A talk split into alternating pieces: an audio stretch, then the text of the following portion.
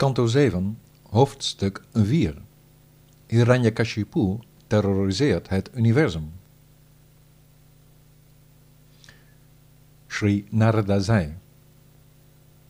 Al dus verzocht, verleende heer Brahma, die alle kanten opkijkt, verheugd over Hiranyakashipu's boetedoeningen, de gunsten die zo moeilijk te verwerven zijn.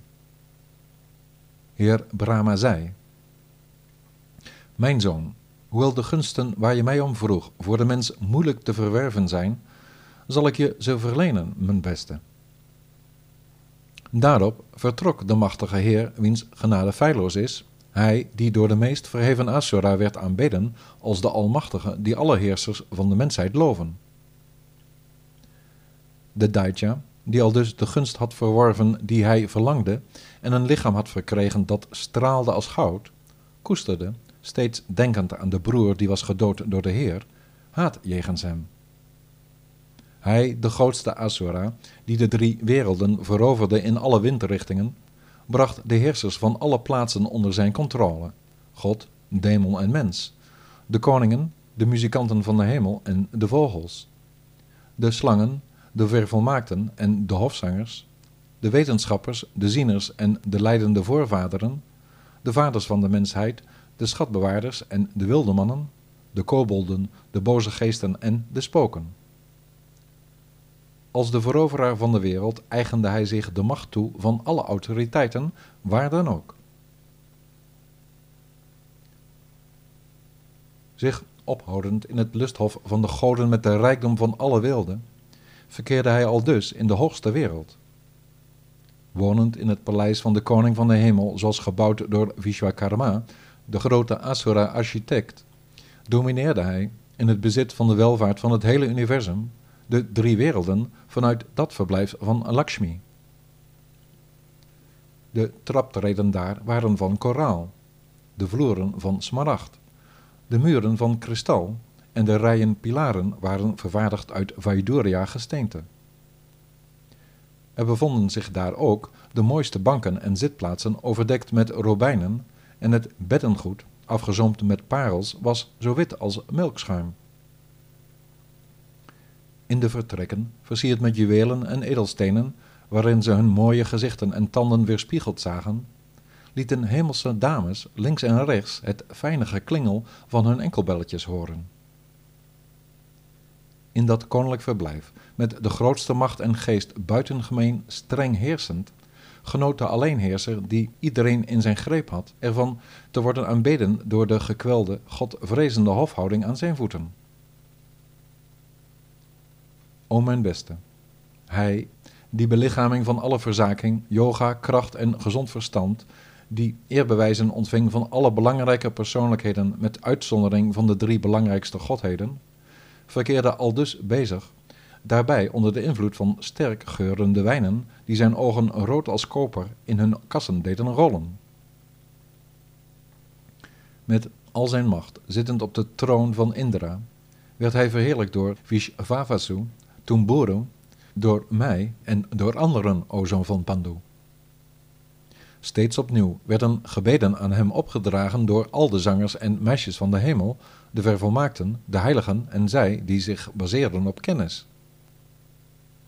alzo met offergaven overvloedig vereerd door alle klassen en leeftijdsgroepen, reserveerde hij in zijn machtsuitoefening ieder aandeel van de gebrachte offers voor zichzelf alleen.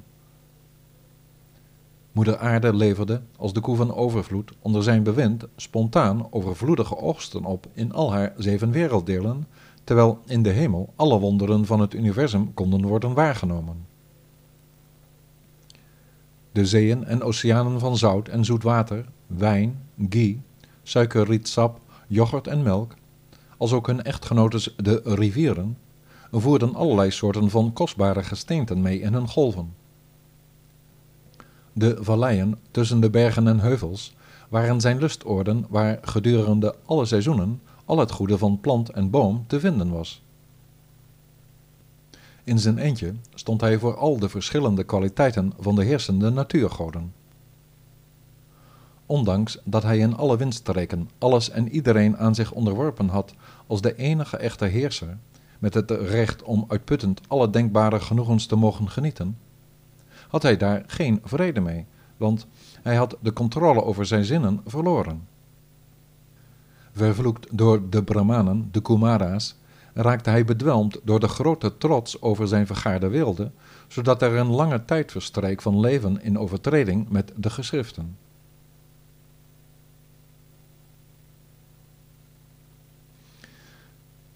Vanwege zijn pijnlijke reprimandes waren al de werelden verstoord en was er nergens meer een veilig heenkomen voor hun leiders. Daarom zochten ze hun toevlucht bij de onfeilbare.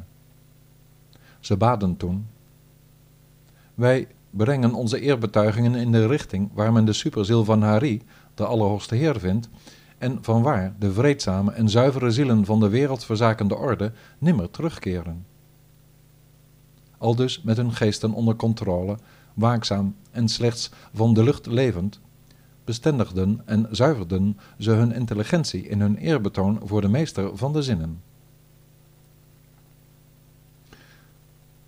Toen weerklonk er, luid als de donder, in alle richtingen, een stem zonder een gedaante die de angst van de deugdzame zielen verdreef. Vrees niet, o besten van de wijsheid, ik heb het beste met u voor. Met mij voor ogen kunnen levende wezens al het goede bereiken. De kwalijke handelingen van deze grote duivel zijn me bekend, en ik zal ze een halt toeroepen. Daar kan u op rekenen. Als men zich vijandig opstelt tegenover de goden, de Veda's, de koeien, de Brahmanen, de heiligen, het Dharma en tegenover mij, zal men snel verloren gaan. Zo gauw hij, Hiranyakashipu, geweld gebruikt tegen zijn vredelievende zoon, die grote ziel Pralada, die geen vijanden heeft, zal ik hem doden, ongeacht de zegeningen die hij ontving van Heer Brahma.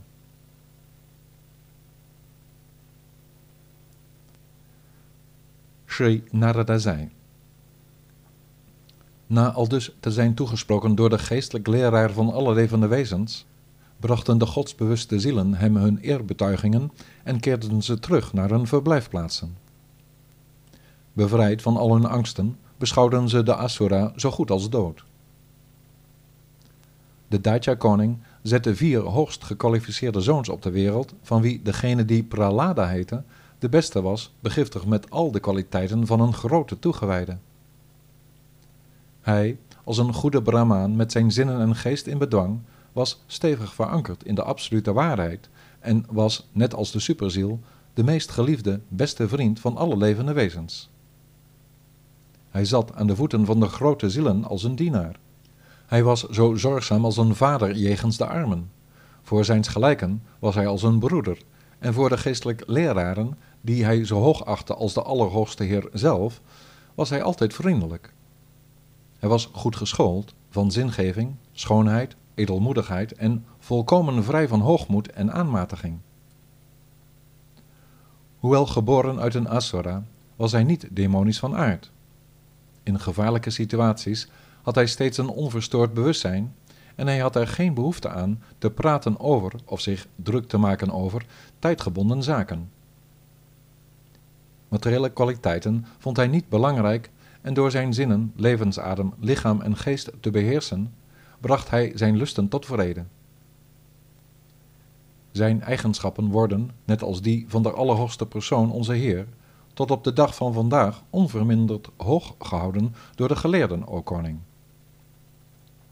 In bijeenkomsten van zuivere zielen, waarin de vijanden van de demonen deze eigenschappen bespreken, nemen ze hem als voorbeeld. Als zelfs de wijzen en geleerden dat doen, Waarom zou u of iemand anders dat dan ook niet doen? Woorden schieten tekort als men de talloze kwaliteiten wil opsommen van hem die zijn grootheid ontleende aan zijn natuurlijke aantrekking tot Vasudeva, de hoogste persoonlijkheid Gods. Als een kleine jongen zag hij volkomen opgegaan in Krishna's aantrekking er vanaf te spelen en leek het alsof hij afwezig was en geen begrip had voor wereldse aangelegenheden als hij zat en rondliep, at en rustte, dronk en sprak, drong, omarmd door Govinda, niets van dat alles tot hem door. Soms zich zorgen makend over zijn afwezigheid in Vaikunta, huilde hij. Soms lachte hij over een vreemde gedachtegang, En dan weer zong hij luidkeels vol van vreugde met hem in gedachten. Soms liep hij overweldigd heel hard zijn naam. Dan weer danste hij zonder schaamte. En soms deed hij hem na als hij, verloren in gedachten over hem, zich in hem inleefde. Dan weer viel hij met kippenvel en tranen in zijn halfgesloten ogen volledig stil, overmand als hij was in de greep van de liefdevolle associatie van zijn bovenzinnelijke verrukking. Door zijn voortdurende dienst aan de lotusvoeten die worden verheerlijkt in de hymnen en door de ontwikkeling van zijn onzelfzuchtige associatie, bereikte hij de hoogste extase.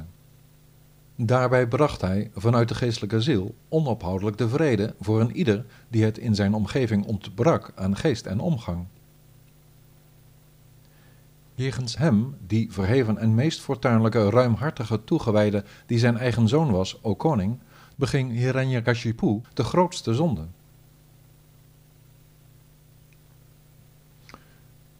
Sri Yudhishthira zei, O Devarishi, zweren bij geloften, we zouden graag het volgende van u willen weten. Waarom liet de vader zijn eigen zuivere en verheven zoon zo lijden? Zonen die tegen de wil van hun vaders ingaan, worden liefdevol terechtgewezen. Maar om ze een lesje te leren, worden ze toch niet als een vijand afgestraft? Alsjeblieft, o Brahmaan, wat moeten we nu denken van deze vader die, zo gemeen op de dood af, hatelijk was jegens zijn gehoorzame zoon? Alsjeblieft, neem onze twijfels weg, want hij was een grote toegewijde van het soort die zijn vader eert als zijn guru, o meester.